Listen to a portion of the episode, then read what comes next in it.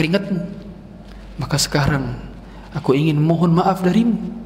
Barangkali hadiah inilah yang dapat mengantarkanku ke dalam surganya melalui berbakti kepadamu.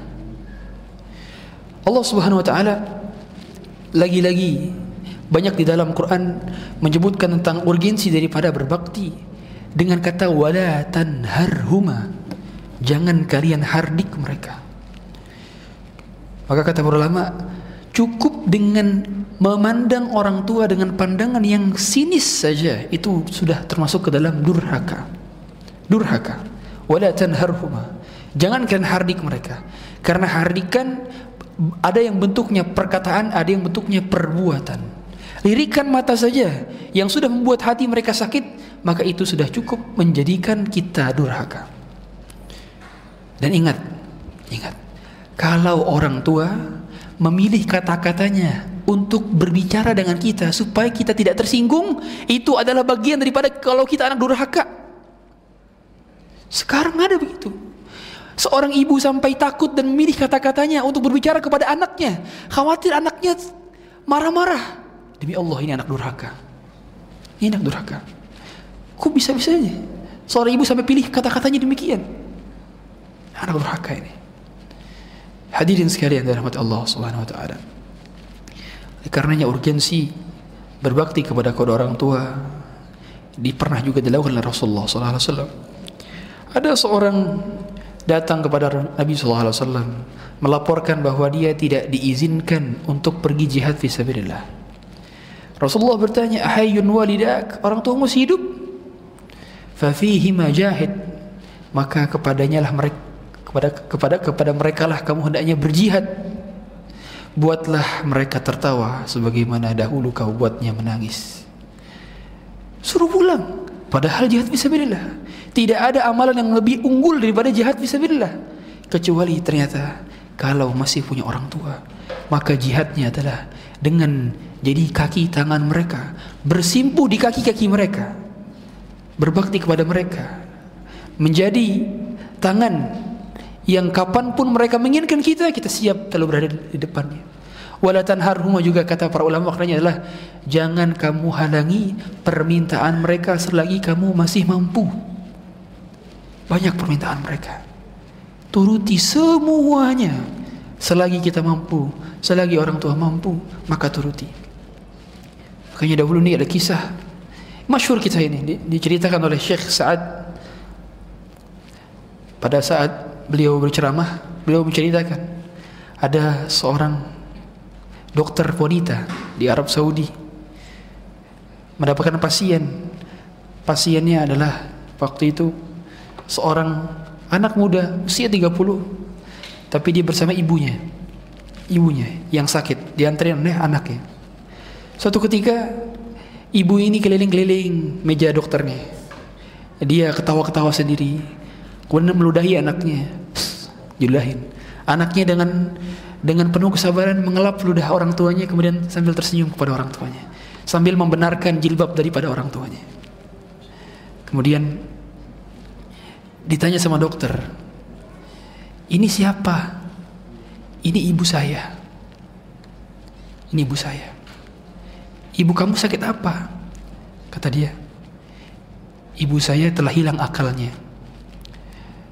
Mengapa bisa dia melahirkan kamu?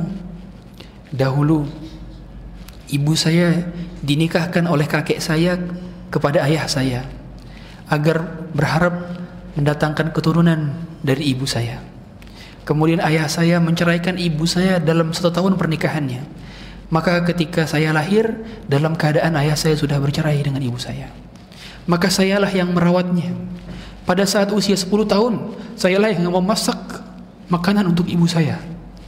Saya ikat kakinya dengan ikat dengan kakiku, dengan kaki saya agar berharap dia tidak lari dan tidak kabur. Saya yang menyuapi makanannya, saya yang mencuci bajunya, saya yang menyiapkan makanannya. Kemudian dia bertanya dokter ini, "Ibu kamu tahu kalau kamu adalah anaknya?" Kata dia, "Demi Allah, ibu saya tidak tahu kalau saya anaknya, tapi Allah tahu kalau saya anaknya." Dokter ini menangis ketika Kemudian ibu ini tertawa lagi. Meludahi anak ini lagi. Dia mencakar-cakar anaknya, menarik-narik baju anaknya. Kemudian tiba-tiba ibu ini melihat ada layar TV di ruangan dokter tersebut. Dia katakan, "Kamu bohong, Muhammad. Buktinya kamu tidak mengajak aku umroh sekarang." Kemudian kata anak ini, "Ibu lupa ya? Hari ini kan hari Kamis. Nanti kita ke sananya ketika libur." Kata dokter ini, jadi selama ini kamu masih tetap mengajak dia umroh meskipun keadaannya seperti ini. Apa jawab anak luar biasa? Demi Allah, tidak ada satupun permintaan yang keluar dari lisannya kecuali aku berusaha untuk mewujudkannya selagi aku masih ada dan dia masih ada. Menangis kembali dokter ini. Kemudian sampai ditanya, sakit apa? Oh sakit naik gula darahnya tinggi. Dan dikasih obat, setelah itu keluar. Dikunci pintu, dia menangis, terseduh-seduh, menangis berkali-kali.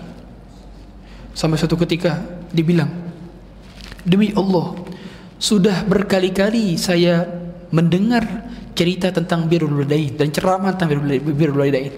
Tapi baru kali ini ada seorang anak berbakti kepada ibunya sedangkan ibunya tidak mengenal bahwa dia anaknya. Bisa saja dia menaruh ibunya itu ke panti asuhan, menaruh ibunya ke panti jompo, ke tempat orang gila, mampu. Ibunya nggak tahu kalau dia anaknya. Tapi tidak dengan anak ini. Dia faham bahwa ketika seorang berbakti kepada orang tuanya, yang membalas pahalanya bukan ibunya, bukan bapaknya, tapi semata-mata adalah balasan dari Allah Subhanahu wa taala. Ini cerita yang menakjubkan. Tingkat berbakti adalah ketika orang tua tidak mengenal kita. Karena Kebanyakan berbakti tersusupi niat yang salah. Seringkali kita berbakti mengharapkan agar orang tua kasih warisan kepada kita yang banyak. Agar orang tua baik juga kepada kita, agar kita dipuji di antara anak-anak lainnya. Oleh karenanya berbakti kepada orang tua itu ada dua. Yang pertama berbakti ketika mereka masih hidup, yang kedua berbakti ketika mereka sudah wafat meninggal dunia. Dua. Maka saat berbakti kepada orang tua ketika mereka sudah meninggal dunia Itulah bakti yang jujur dan lebih tidak terlihat oleh manusia. Kata Syekh Saleh Muhammad Al-Shinqiti Hada min akhlasil bir. Ini adalah bagian daripada berbakti yang paling ikhlas. Karena mereka sedang butuh-butuhnya dengan doa kita. Mereka sedang berharapnya dengan istighfar kita. Tidak ada harapan lain kecuali harapan anaknya. Apa? Mereka tidak bisa beramal lagi. Ketika sudah berada di liang lahat, tak mampu mereka sholat, tak mampu mereka zikir, tak mampu mereka haji, umroh, sedekah. Hanya doa-doa anaknya yang terselipkan pada setiap sholat-sholatnya. Itulah yang mereka harapkan. Betapa banyak kuburan menjadi lapang sebab doa-doa anak yang tak henti. Betapa banyak derajat orang tua tinggi di surga sebab istighfar anaknya yang tak pernah putus. Itulah yang bermanfaat bagi mereka. Maka kalau mereka ternyata sudah tidak ada, maka kita masih tetap bisa berbakti kepada mereka. Kata Rasulullah SAW, min abaril bir an yasir rajulu ahla wuddi abih. Di antara tanda berbakti seorang adalah dengan menyambung silaturahmi kepada kerabatnya orang tua. Makanya dahulu Abdullah bin Umar itu satu ketika dalam satu perjalanan ketemu dengan orang Arab Badui. Kemudian Abdullah bin Umar ngasih serbannya dikasih sekaligus ngasih keledainya. Subhanallah, keledai itu kendaraan setara motor lah mungkin. Karena setara, kalau setara mahal di kuda zaman tersebut. Dikasih keledai. Kemudian ketika ditanya, "Wahai Ibnu Umar, kamu ketika bertemu itu mampu cuma berikan dua dirham saja. Kenapa beli? Kenapa malah berikan keledai? Kenapa? Karena abuhu sadiqan li abi katanya. Karena bapaknya dahulu adalah teman bapakku. Subhanallah. Padahal bukan dia yang teman bapaknya, tapi bapaknya dia yang teman bapakku. Itu saking ingin mendapatkan keutamaan berbakti kepada kedua orang tua. Hadirin yang dirahmati Allah Subhanahu wa taala. Dahulu ada seorang salaf saleh bernama Muhammad bin Munkadir. Kata Muhammad bin Munkadir, "Bittu aghmiz rijla ummi wa bata akhi yusalli, fama yusurruni anna laylatahu bi laylati." Aku bermalam dalam keadaan sedang mijit ibuku, sedangkan sedangkan ayahku apa sedangkan saudaraku sedang sholat malam Aku tidak mau menggantikan salat malamnya dengan pijitan yang aku lakukan kepada ibuku. Karena memijit ibu lebih utama pahalanya dibandingkan salat malam. Sampai demikian mereka berusaha untuk kepada orang tua mereka. Hadirin sekalian, maka telepon orang tua. Jangan sia-siakan umur Anda dan umur mereka. Jangan sediakan satu hari tanpa nanya kabar kepada mereka satu menit, dua menit, tiga menit, lima menit sekedar nanya kabar selesai dengan demikian kita tidak jauh dari mereka. Demi Allah umur mereka hanya sekali. Mereka tidak hidup dua kali di dunia ini. Kita pun hidup hanya sekali. Kita tak hidup dua kali di dunia ini. Maka selagi mereka masih ada dan anda masih ada maksimalkan dalam berbakti ini kepada mereka. Berbakti itu birrul walidain itu bukan membalas jasa mereka. Bukan. Karena hakikatnya tidak mampu mereka terbalas jasanya. Dan tidak akan pernah bisa kita membalas jasanya. Birrul walidain adalah berbuat baik kepada mereka, mentaati segala yang mereka minta kecuali dalam perkara kemaksiatan. Itu saja. Oleh karenanya dahulu saat bin Abi Waqqas ibunya mogok makan. Tidak mau makan kecuali kalau Sa'ad bin Abi Waqqas murtad Mogok makan berkali-kali. Sampai akhirnya turun ayat jahadaka ala an tusyrika bima laysa laka bihi ilmu fala tuti'huma wa sahibuhuma fid dunya ma'rufa. Kalau mereka berusaha untuk membuatmu berbuat syirik kepadaku maka jangan taati mereka. Maka keteguhan Sa'ad bin Abi Waqqas ketika ibunya mogok makan apa kata Sa'ad bin Waqqas? Wahai ibu, Seandainya engkau punya seratus nyawa, kemudian nyawamu keluar satu persatu dari tubuhmu, agar aku tidak bertahan lagi di agama ini, maka aku tidak akan pernah keluar dari agama ini, walaupun nyawamu telah habis. Subhanallah, keteguhan daripada Sa'ad bin dan dia faham bahwa berbakti kepada orang tua hakikatnya adalah tidak melakukan kemusyrikan, kemaksiatan pada mereka yang mereka perintahkan. Makanya sering kali saya pernah dapat pertanyaan, Ustadz, saya keterima LPDP. Udah diterima di Ivy League. Ivy League itu di MIT, Stanford, Harvard. Tapi ibu saya nggak ngizinin. Saya bilang, antum gak jangan berangkat. Selama antum pergi dalam keadaan tidak membawa izin dari ibu, tidak berkah antum hidup di sana. Gak akan berkah. Gimana ibunya nggak ngizinin? Demi Allah, gelar-gelar itu cuman sekedar tumpukan kertas-kertas yang tak berarti. Siapa yang lebih berarti dibandingkan doa ibu? Apa yang lebih berharga dibandingkan tangisan mereka? Apa yang lebih berguna dibandingkan tegak tegahan daripada tangan-tangan mereka yang mereka lantunkan dalam doa-doa pada sepertiga sepertiga malam itu yang bernilai itu yang berharga. Bukan gelar-gelarmu bukan pangkat dan jabatanmu bukan uang-uangmu tak berguna itu dibandingkan doa ibu. Ay, kalau bisa setiap hari ada doa ibu yang terucap sebab kita menelponnya. Coba sebelum berangkat kerja sebelum dagang telepon ibu orang tua. Kalau misalkan ada dekat antum kalau bisa antum bawa ibu antum bawa. Cium tangan. Sambil menangis kalau bisa. Ketika megang tangan ibu antum katakan ini dahulu tangan yang dahulu gendong saya. Ini tangan yang dahulu cebokin saya. Ini tangan yang dahulu mandikan saya. Tangan itu kini telah melapu layu. Layaknya daunan yang layu. Tangan itu sekarang sudah menjadi tua kalau dahulu ibu ini memandikanku maka aku ingin memandikannya juga nantinya. Aku ingin kalau bisa yang menyembuhkannya. Kedahulu ada seorang anak yang ibunya buang air ketika sedang makan di meja makan. Apa jawab anak ini? Ibu seandainya engkau buang kotoranmu di tubuhku maka aku tidak akan marah wahai ibu. Karena betapa kali seringnya dahulu aku buang kotoranku di perutmu sering kali kita buang kotoran kita di perut-perut ibu kita tapi mereka tidak marah sedangkan di antara kita ada orang tuanya yang buang kotoran di depannya marah-marah ke mana kita Jangan sampai ada di antara kita orang tuanya dititipin ke panti jompo. Demi Allah merugi kita sendiri jadinya. Rugi. Rugi. Kalau bisa kita bawa ibu dan bapak masuk ke dalam rumah kita. Kalau tak bisa di rumah, maka minimal tempatkan di rumah yang dekat dengan kita. Sehingga kita mampu jenguk tiap hari, minta doa kepadanya, bersimpuh di kaki-kakinya. Mereka doanya lebih kita harapkan dibandingkan doa manusia lainnya. Maka pada saat ini ketika mereka masih ada, manfaatkanlah. Oleh karenanya dahulu ada seorang ulama Muawiyah. Bapaknya meninggal dunia. Meninggal dunia. Kemudian dia menangis.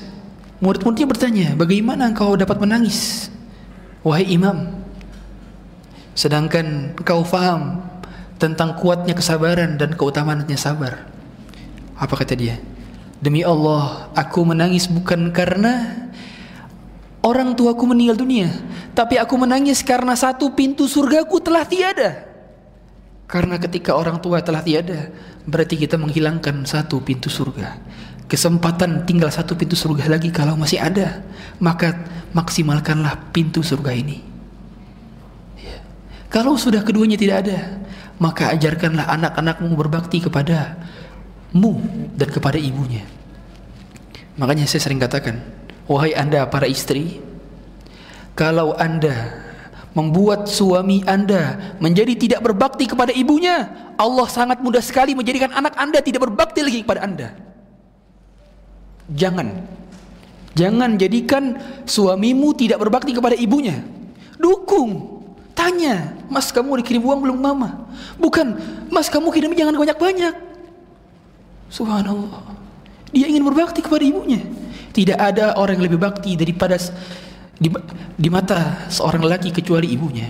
Dan tidak ada yang lebih bermakna bagi kehidupan seorang perempuan kecuali suaminya.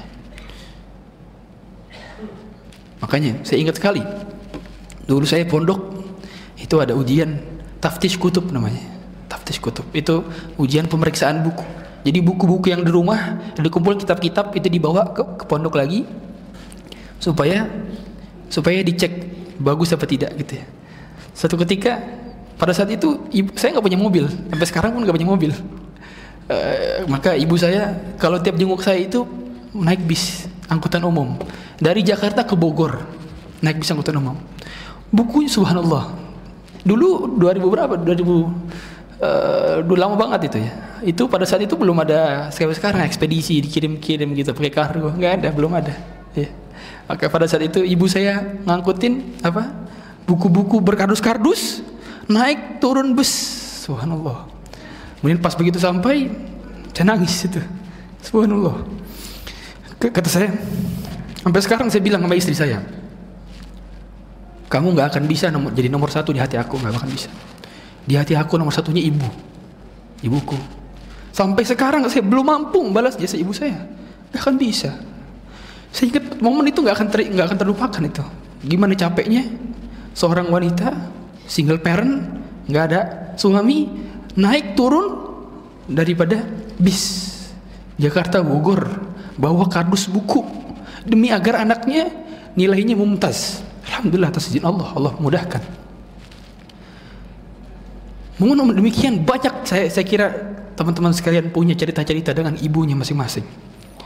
Tapi momen itu jadikan pelajaran bahwa kalau kita berbakti kepada orang tua, insya Allah anak kita akan berbakti kepada kita. Makanya mengapa kalau ada ternyata anak tidak berbakti kepada kita, sering muhasabah gimana kedekatan kita kepada orang tua. Apakah mereka nama-namanya kita sebut dalam doa-doa? Apakah mereka setiap hari kita hubung, kita hubungi? Apakah setiap hari mereka kita minta doanya? Atau cuma sekedar nama saja yang bertemu di kartu keluarga, sedangkan kedekatannya tidak seperti keluarga. Hanya nama-namanya doang berjejeran di kartu keluarga, tapi tidak seperti keluarga. Jangan sampai, jangan sampai kita memiliki house tapi tidak memiliki home karena tidak ada home di rumah. Sebagaimana anak-anak kita berkata, I have house, but I don't have home.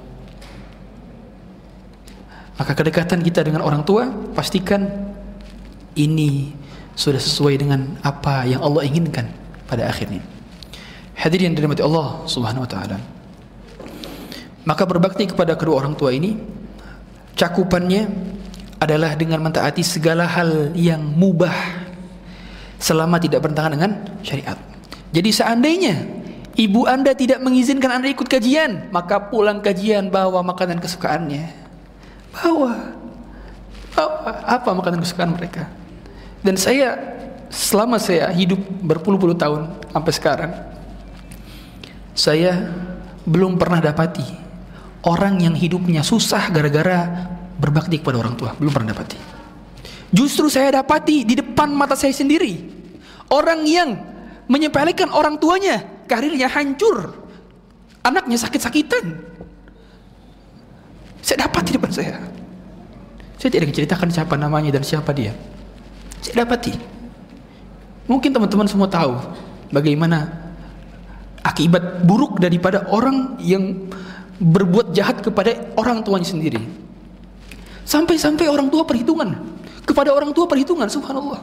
Hadirin sekalian, kalau orang tua kita perhitungan sama kita, dahulu pas masih kecil, misalkan maunya, wah ini susunya kemahalan, kayak susu yang rendah murahan aja.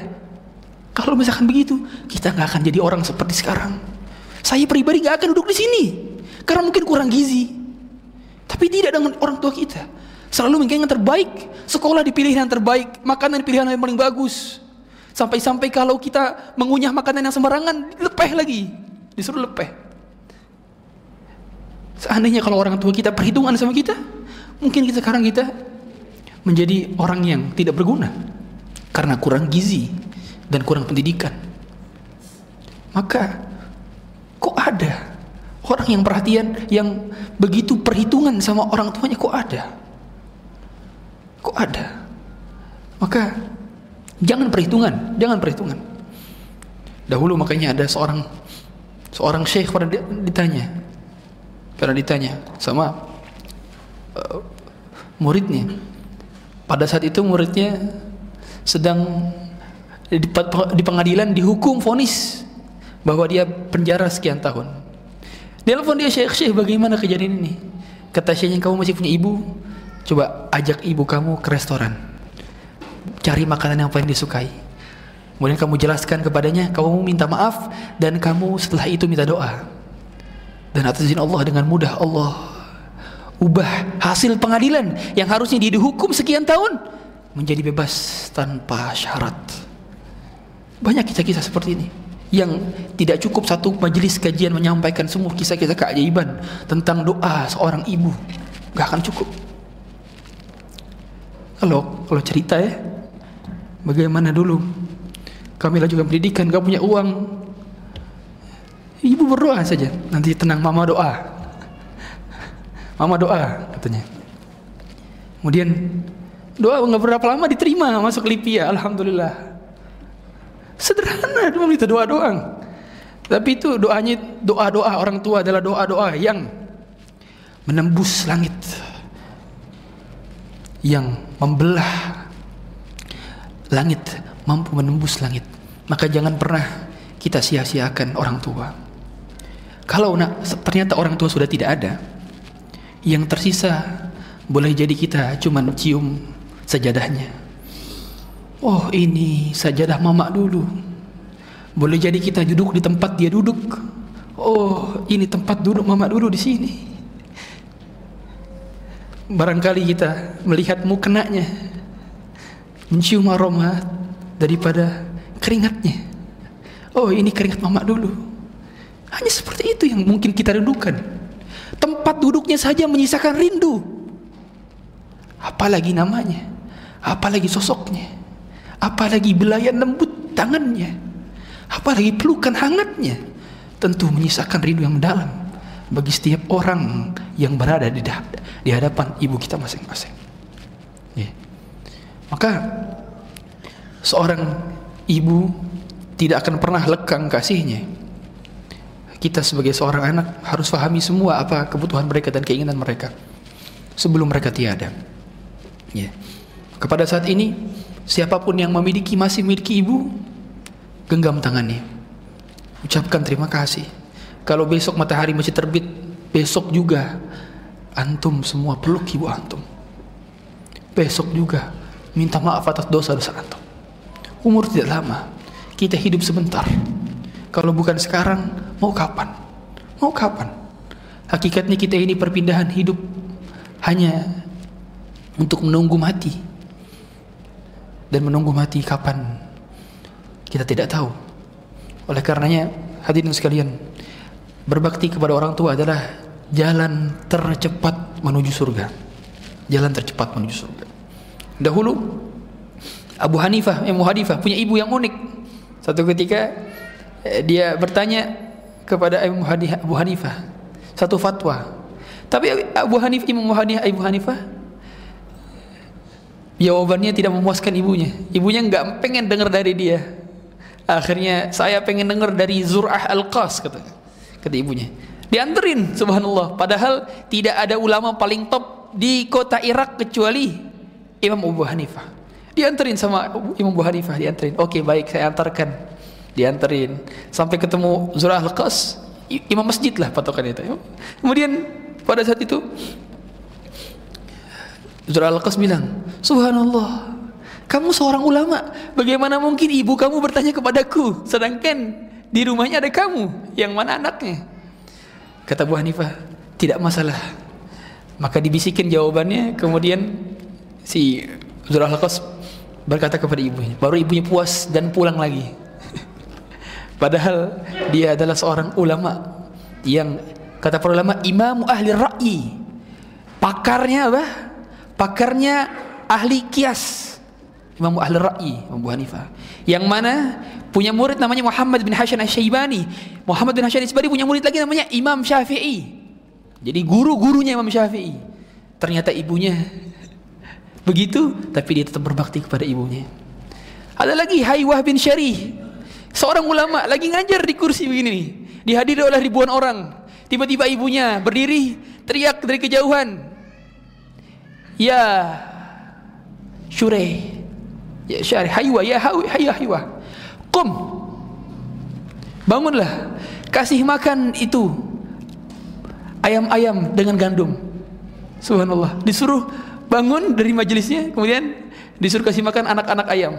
Akhirnya dia bangun seketika langsung dia naburin makanan ke anak-anak ayam di depan rumahnya ulama coba kalau saya ah, subhanallah belum tentu itu ya. tapi beda dengan dengan dengan haywah bin syariah ya. begitu para ulama mencontohkan bagaimana dahulu ada seorang dari Yaman berhasil membawa ibunya menggendong ibunya menuju kota Mekah dia gendong, dia putar tawaf Ka'bah, dia sa'i, beres daripada haji dan umrahnya. Dia berkata kepada Abdullah bin Umar, "Atarani qad jazaituha?" Apakah kau melihat bahwa aku telah membalas kebaikannya? Apa kata Abdullah bin Umar? La, wala bizafratin min zafaratiha. Tidak, walaupun hanya tarikan nafas yang keluar dari ibumu ketika kau keluar dari perut ibumu itu tidak akan mampu kau membalasnya. Wala bizafratin min zafaratiha. Gak akan mampu. Maka pada akhirnya kita berbakti itu bukan membalas kebaikan mereka bukan. Karena tidak akan mampu terbalas tidak akan bisa terbalas. Kita tidak mampu menandingi kebaikan mereka. Dan begitulah Allah desain kehidupan ini supaya faham bahwa ada kasih sayang yang dilakukan oleh setiap hamba-hambanya Hadirin sekalian yang dirahmati Allah Subhanahu wa taala. Berbakti ini Allah juga akan qaulan karima. dalam berbakti caranya adalah dengan menggunakan bahasa santun. Kalau bahasa mungkin kalau bahasa antum bisa bahasa Jawa maka gunakan bahasa kromo, bahasa tingkat tinggi. Bahasa kromo itu bahasa tingkat tinggi dalam dalam Jawa ya. Quran itu isinya itu rata-rata bahasa tingkat tinggi. Meskipun levelnya beda-beda ya. Itu bahasa dengan kalau orang Jawa itu kalau apa kalau ngajak kalau mempersilahkan ibu bapak ibu makan aja dengan nama lembut bapak ibu dahar mawon gitu kan e, lembut sekali ya. itu kalau nyuruh makan aja mungkin tiga ribu kali minta maaf dulu baru nyuruh makan ya. tapi begitulah pada akhirnya eh, orang-orang tua kita mengajarkan bagaimana sopan santun kepada orang tua maka saya sarankan dan saya wasiatkan jangan pernah meninggikan suara di depan orang tua. Jangan pernah. Kalau seandainya kita beda pendapat dengan orang tua maka cukup diam. Jangan balas argumen mereka. Jangan. Seringkali balasan argumenmu meskipun argumenmu terlihat ilmiah dan lebih berdalil tapi di hadapan orang tua tidak pantas kita meninggikan suara di hadapan orang yang mengajarkan kita berbicara mereka mengajarkan kita berbicara mereka mengajarkan kita caranya makan. Mereka mengajarkan kita caranya jalan. Mereka membangkitkan kita lagi kalau kita jatuh. Mereka yang rela sedih demi bahagianya kita. Mereka yang rela terjaga demi lapnya kita. Mereka yang rela terluka demi senangnya kita. Mereka yang rela berkorban demi senangnya kita. Maka kalau sudah pahami demikian, Jangan pernah ucapkan kata-kata kecuali yang menyejukkan hati, menentramkan dada dan melembutkan hati-hati. Jangan sampai kita sisakan luka itu di hati mereka. Demi Allah, satu luka yang tersisa di hati mereka sudah cukup membuat hati Anda, kehidupan Anda, karir Anda hancur selama-lamanya. Sudah cukup. Karena pada akhirnya akibat daripada durhaka kepada orang tua itu dihukum di dunia sebelum di akhirat. Ini ijma para ulama. Ijma para ulama, siapa yang durhaka kepada orang tua, meninggikan suaranya di depan orang tua, berkata-kata kotor depan orang tua, tidak memberikan haknya, maka dia dihukum di dunia, di dunia qabla akhirah. Sebelum di akhirat. Dua kali dia dihukum. Kalau orang meninggalkan sholat, kelihatan rezekinya banyak biasa orang makan riba tetap dapat rezeki nggak ada nggak ter, nggak terlalu kelihatan efeknya di dunia sengaja Allah undur sanastadrijuhum min haitsu la ya'lamun tapi beda dengan orang yang durhaka kepada orang tua maka di detik itu pula dia durhaka sama orang tua. Di detik itu pula hancur kehidupannya sebelum di akhirat.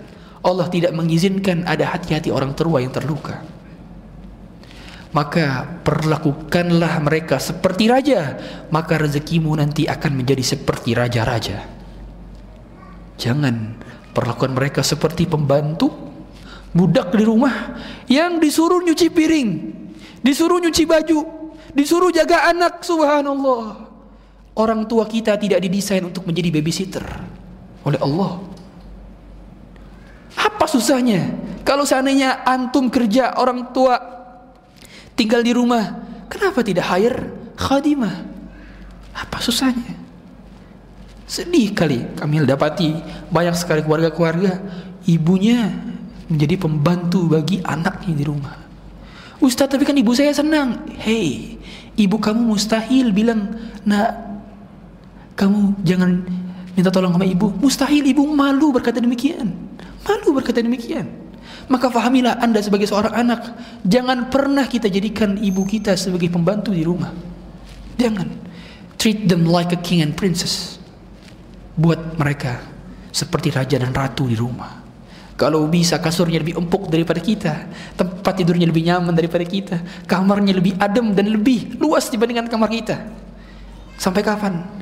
Sampai mereka wafat yeah. Mungkin demikian yang dapat kamu sampaikan.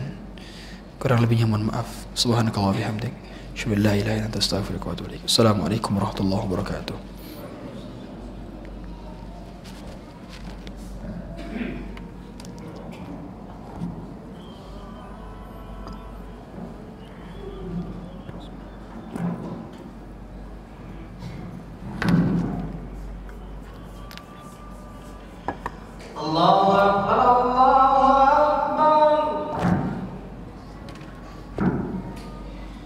Allah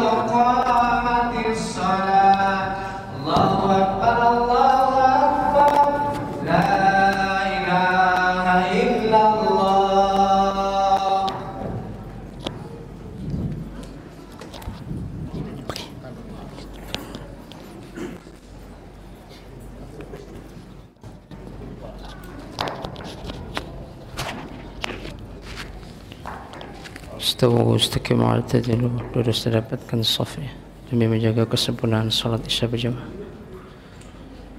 Diisi saf terdepan dulu Pak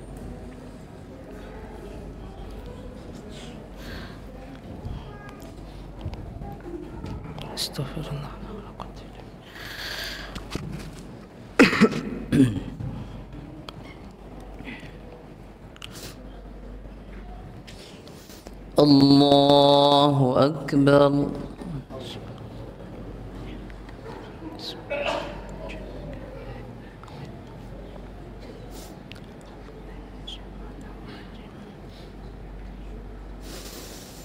بسم الله الرحمن الرحيم. الحمد لله رب العالمين. الرحمن الرحيم. مالك يوم الدين. إياك نعبد وإياك نستعين. اهدنا الصراط المستقيم. صراط الذين أنعمت عليهم غير المغضوب عليهم ولا الضالين.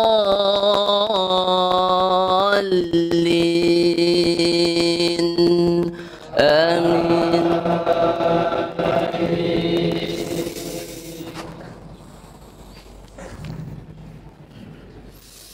يا أيها الذين آمنوا اذكروا نعمة الله عليكم إذ هم قوم أن يبسطوا إليكم أيديهم فكف أيديهم عنكم واتقوا الله وعلى الله فليتوكل المؤمنون.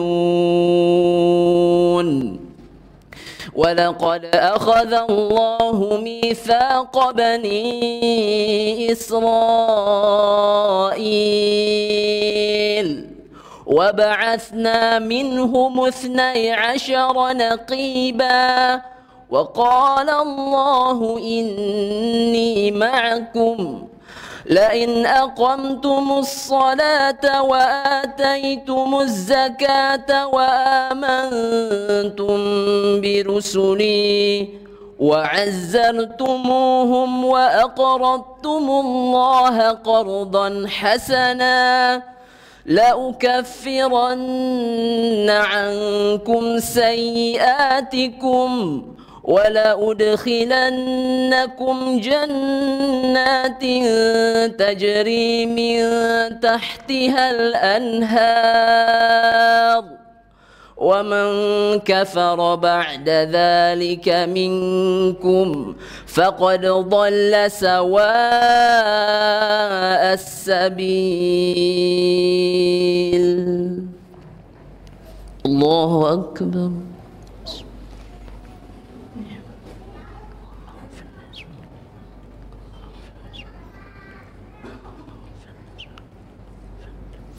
سمع الله لمن حمده.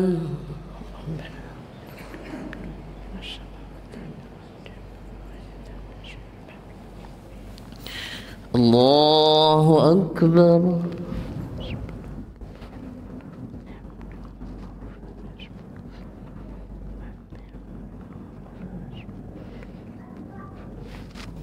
الله أكبر.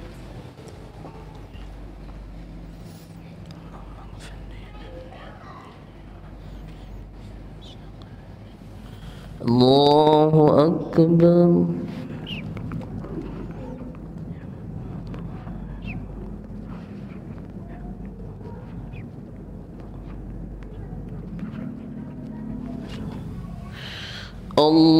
الله أكبر.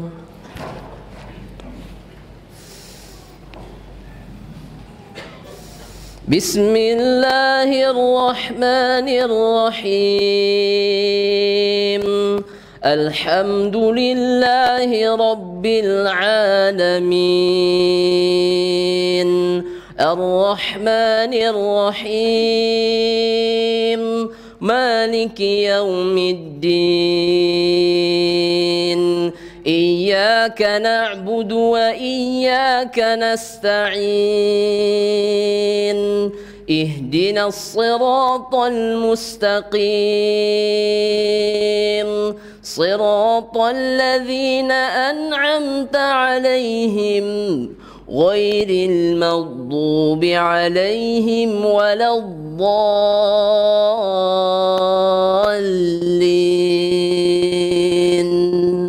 آمين.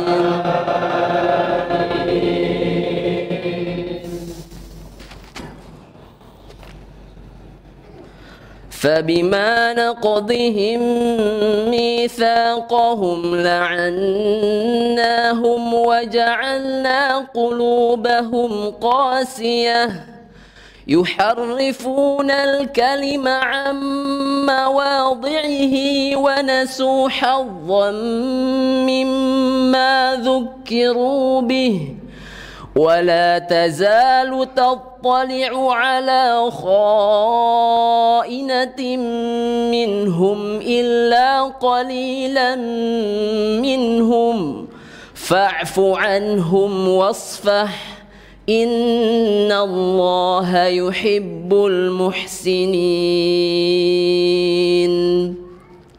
ومن الذين قالوا إنا نصارى أخذنا ميثاقهم فنسوا حظا مما ذكروا به فأغرينا بينهم العداوة والبغضاء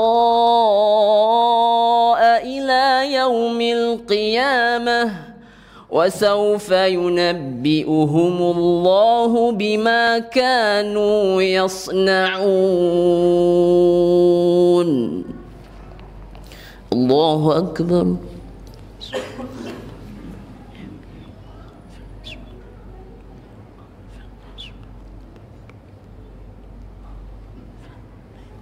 سمع الله لمن حمده.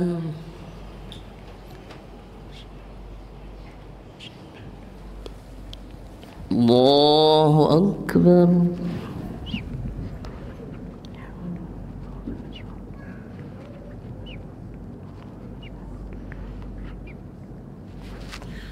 الله أكبر.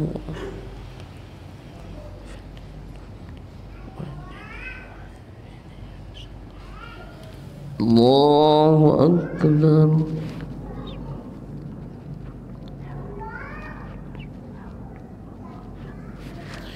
الله أكبر.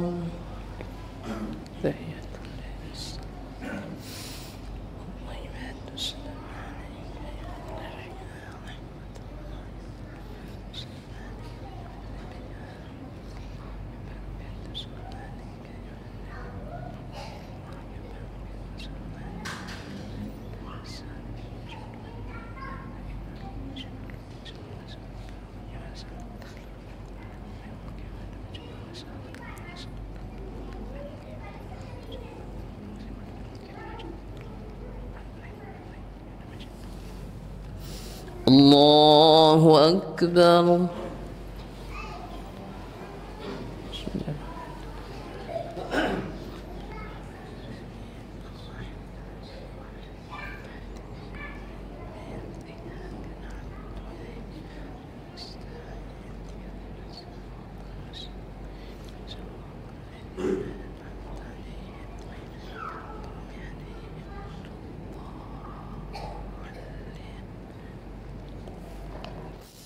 الله أكبر.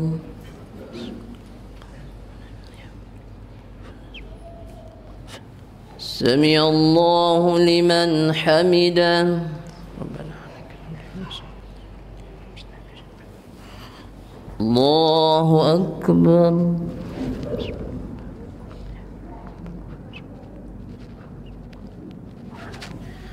الله أكبر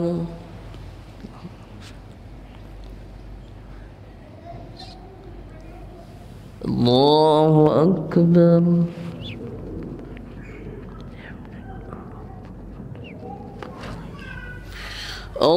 الله أكبر بسم الله الرحمن الرحيم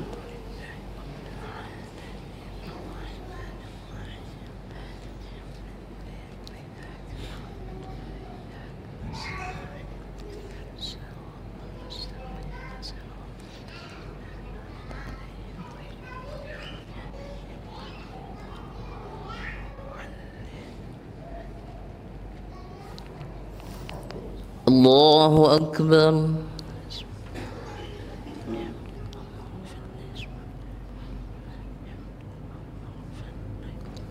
سمع الله لمن حمده.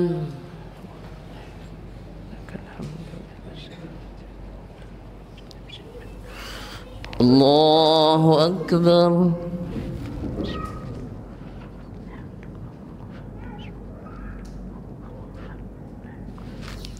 الله أكبر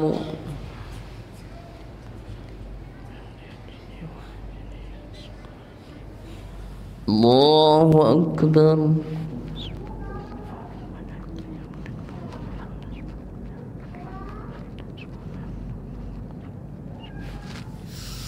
الله أكبر تحية الله الصلاة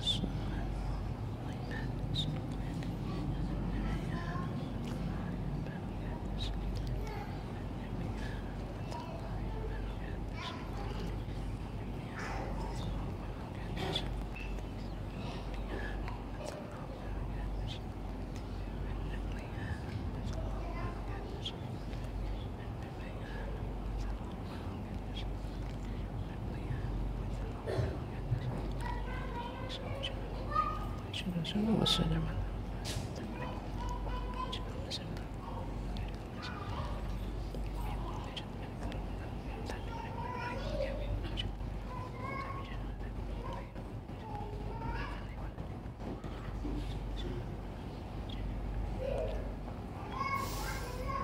السلام عليكم ورحمة الله. السلام عليكم ورحمة الله. استغفر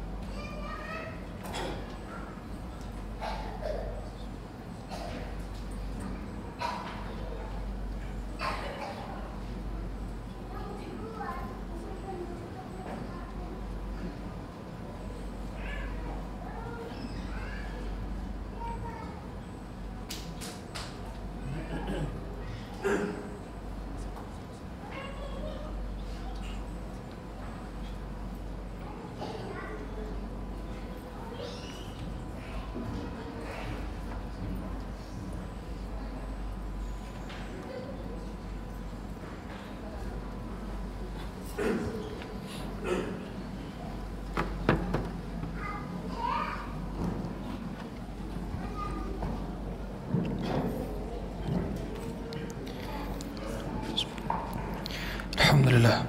Salatu wassalamu ala rasulillah wa ala alihi wa sahbihi wa ala mabad Lanjutkan bahasan tadi. Sehingga dahulu ada ulama yang bernama Mansur bin Mu'tamir. Mansur bin Mu'tamir ini ditawarkan menjadi hakim di zamannya. Kemudian dia menolak jadi hakim. Kepada saat itu ibunya marah. Diteriaki di depan orang banyak. Wahai Mansur, kenapa kau tidak menerima tawaran menjadi hakim? Diteriakin. Tapi dia hanya menunduk dan tidak berkata satu kata patah pun. Tidak berkata demikian. Maka pada dasarnya seorang ketika berhadapan dengan ibu kita, meskipun lisan kita lebih fasih dibandingkan dia, meskipun bacaan kita lebih banyak dibandingkan dia, Meskipun gelar kita lebih panjang dibandingkan dia, uang kita lebih banyak dibandingkan dia, tetaplah kita semua adalah anak kecil di hadapan dia. Ibu kita, orang tua kita tetap mengingat bahwa kita adalah seorang yang dahulu mereka mandikan, mereka cebokkan, mereka suapi. Pada dasarnya kita hanyalah anak kecil di bawah mereka. Maka baru kerasa nanti kalau ternyata mereka sudah tiada. Baru sadar ternyata duit yang selama ini dikumpulkan gak ada lagi artinya. Baru kerasa. Kalau saat mereka sudah nggak ada itu baru kerasa. Pada saat mereka tiada punya mobil punya rumah nampak lagi tak berguna. Nampak lagi tak bernilai. Karena kan memang pada dasarnya Seorang ketika kehilangan salah satu dari kedua orang tuanya atau dua-duanya seperti sudah tidak semangat lagi menjalani hidup. Karena hidup menjadi bahagia karena senyum-senyum mereka. Hadirin dirahmati Allah Subhanahu wa taala. Maka ada beberapa cara dalam berbakti ketika mereka masih ada. Kalau mereka masih ada, maka berbaktinya sederhananya adalah dengan dekat kepada mereka. Maka kalau bisa, kalau bisa memang entah kitanya dekat ke orang tua atau orang tuanya mendekati kita. Kita bawa dia ke dari kampung halaman untuk ikut bersama kita. Kita sediakan rumah. Insya Allah Allah mudahkan rezekinya ada insya Allah. Atau kita belikan rumah yang dekat dengan kita. Ini salah satu mudah kita untuk berbakti. Saya pernah dapat pertanyaan, Ustadz, bagaimana kalau ternyata orang tua kita yang request minta ke panti jompo supaya ada teman ngobrol nih. Jawaban saya jangan. Kalau bisa antum jadi teman ngobrol nih.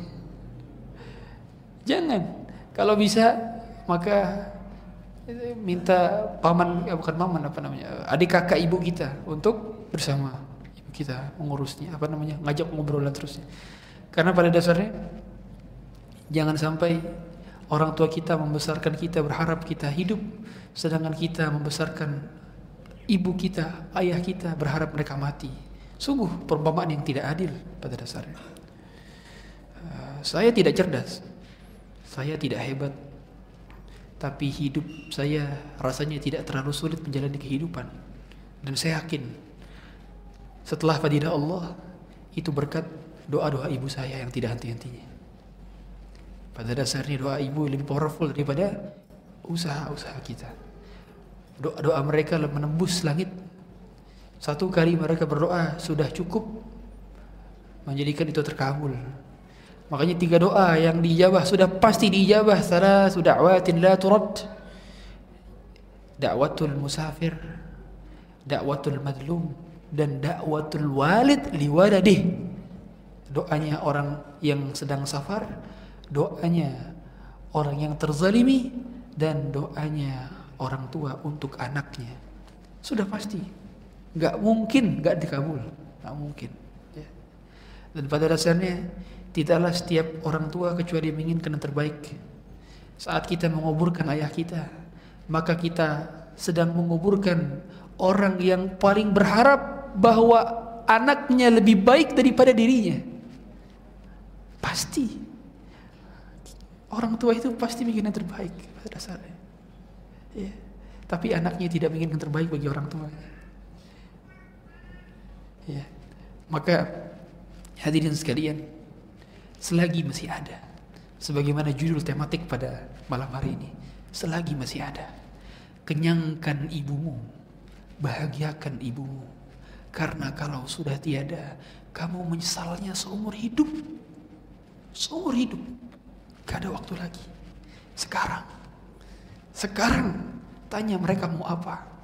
Tanya mereka inginnya apa. Tanya. Kalau bisa dunia kita berikan, kita berikan. Kalau bisa harta kita semua berikan, berikan. Karena sejatinya perintah berbakti itu bukan datang dari orang tua.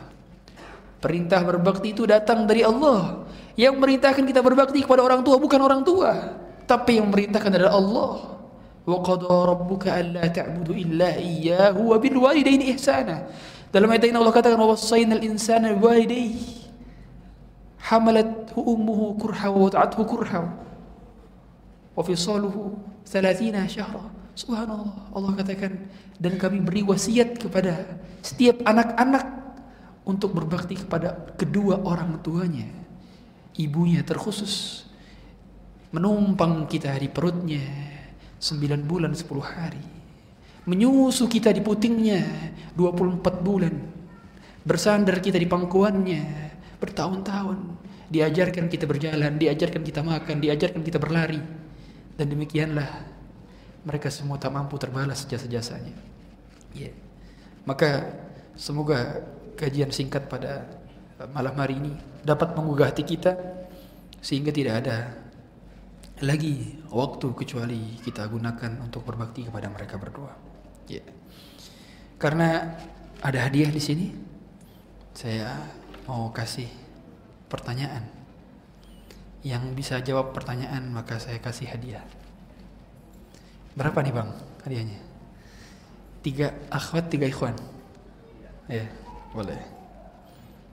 Oke. Siapa? Nama ulama yang mijetin kaki ibunya terus dibilang saya lebih suka ini dibandingkan sholat malam. Siapa tuh nama ulamanya? Ada yang hafal? Hah? Wah, nggak ada yang tahu. Jawabannya Muhammad bin Munkadir. Ya, Muhammad bin Munkadir. Oke, yang kedua. Perkataan siapa? La wala bizafratin min zafaratiha. Perkataan siapa tuh? Tidak, kamu tidak mau membalasnya walaupun dengan hentakan nafas pertama yang ibu merasakan ketika mengeluarkanmu. Ini perkataan siapa? Ada yang tahu? Eh? Tadi barusan. Eh, siapa? Sahabat. Betul Ibnu Umar. yang saya ngasih hadiah dapat. Ibnu Umar. Ya. Umar. Abdullah bin Umar. Enggak jadi. Baik, ganti pertanyaannya. Pertanyaannya ganti. Ya. Uh, baik. Ibu siapa yang gak mau menerima fatwa darinya? Betul, Imam Abu Hanifah. Masya Allah. Betul. Ya hadiahnya. Imam Abu Hanifah. Ibu imam ibunya nggak mau menerima fatwa dari dia, padahal dia ulama. Karena begitulah pada akhirnya ada ada sebuah ungkapan azhadun nas fil alimi ahluhu. Seorang yang paling tidak menghormati ulama siapa? Ya keluarganya sendiri gitu. Ya, karena keluarganya tahu kecilnya, tahu ingusannya, tahu disuapinnya gimana. Makanya orang yang paling gak hormat sama ulama siapa? Keluarganya gitu. Keluarganya. Ya. Kemudian siapa tadi ulama yang lagi duduk di majelis tablik akbar disuruh ngasih makan anak ayam? Salah. Siapa yang benar? Ayo. Siapa? Ada tahu? Akhwat, ada yang tahu akhwat? Ada? Nggak ada.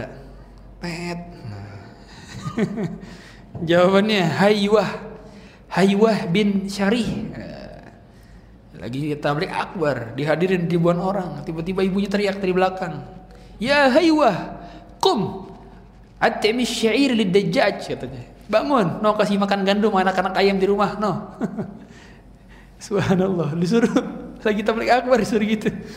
Tapi langsung berdiri beliau, langsung berdiri, langsung ngasih makan. Subhanallah.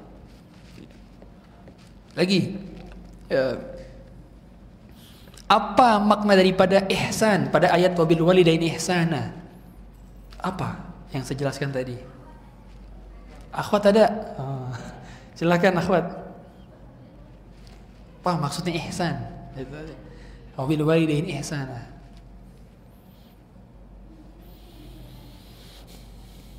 Saya tanya maksudnya, bukan artinya. Maksudnya. Ya. memberikan sesuatu yang lebih baik Bet- kepada mereka dari yang kita eh, rasakan. Betul, betul, betul. Mumtaz, mumtaz. Barakallah fiik. Ya, dapat hadiah. Subhanallah nih, hadiahnya keren-keren nih. Lagi. Eh, Oke, lagi. Hmm. Siapa? Sebutkan deh, sebutkan. Satu ulama yang dia yatim. Sebutan. Ulama mazhab yang dia yatim. Angkat tangan.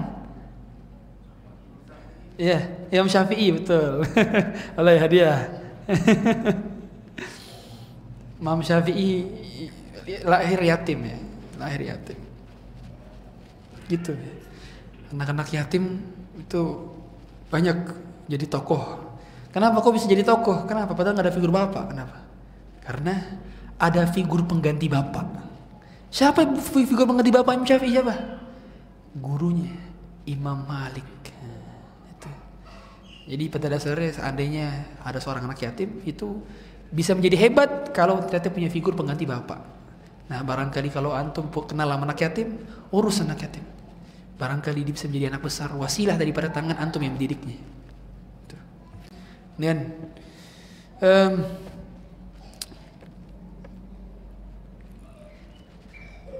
baik maksud daripada wala tanharhuma. Maksudnya saya bukan tahu artinya maksudnya. Wala tanharhuma. Apa wala tanharhuma? Ayo siapa yang bisa ngasih tahu wala tanharhuma? Ada akhwat yang tahu? Nggak ada? Ya, net. Wala tanharhuma maksudnya adalah Jangan kamu halangi diri kamu memberikan sesuatu ketika mereka meminta. Nah, itu walatan harum maksudnya. Maksudnya jangan sampai kita membuat mereka kecewa karena permintaannya tidak terrealisasikan selama permintaannya tidak dalam rangka melanggar syariat. Itu walatan harum. Kemudian maksud daripada Wa qul qawlan karima. Nah, gampang nih. Ada yang tahu? Hah? Ada? Artinya aja deh, artinya. Artinya. Artinya aja. Akhwat ada yang tahu? Qul lahuma qawlan karima. Enggak ada? Wah, enggak ada lagi. ada nih. Iya, berkatalah kepada mereka perkataan yang mulia. Itu dapat hadiah. Iya. Insya Allah. Ya. Lanjut lagi. Lanjut lagi. Hmm. Akhwat, akhwat sekarang. Sekarang akhwat. Ya.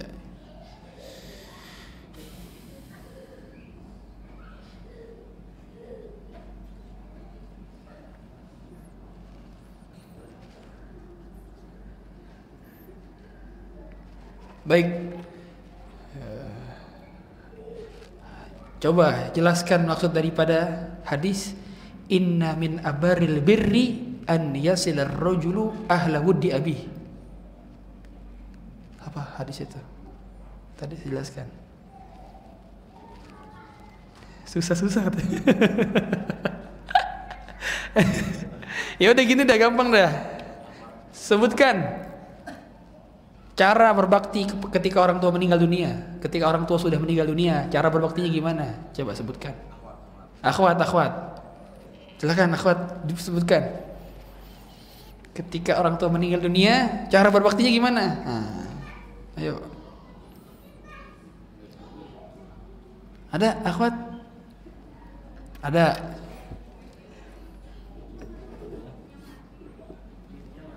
Miknya mati, hidupin lah.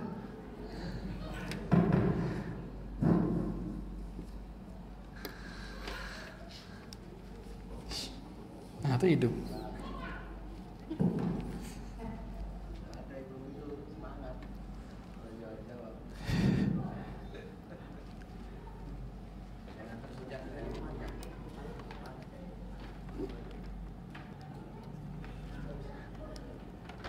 Fadal, akhwat. Masih nggak nyala mic nih.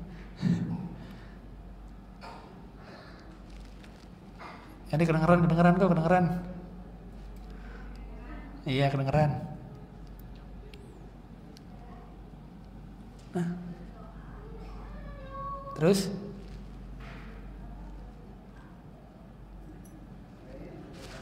Iya, benar, udah benar, benar. Mendoakan dan bersilaturahmi, betul. Ya, dapat hadiah satu boleh. Satu lagi, terakhir. Satu lagi terakhir. Hmm.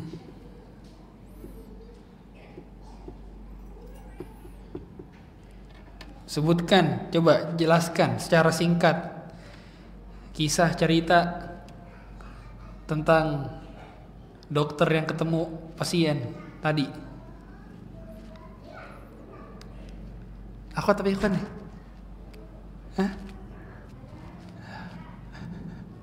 Coba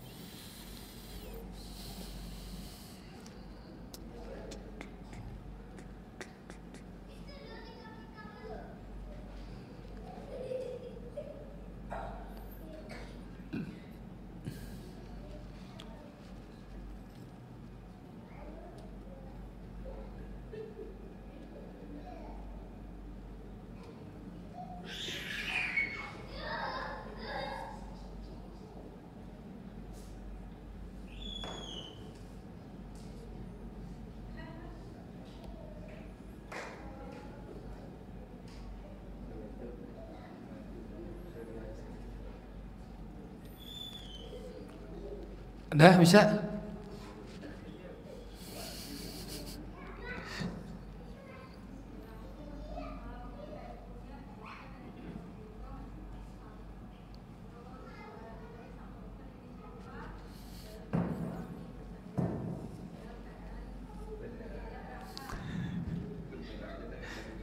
Dah benar benar, masya Allah benar.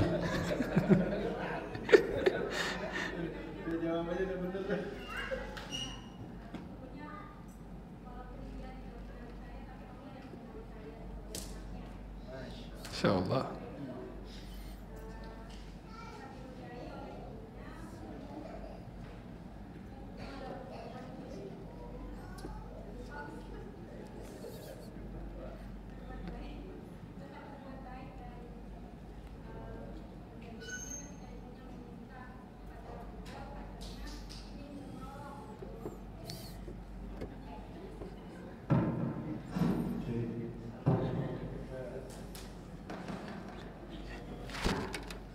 Udah. Udah belum? Udah, insya Allah. Allah benar, benar, insya Allah.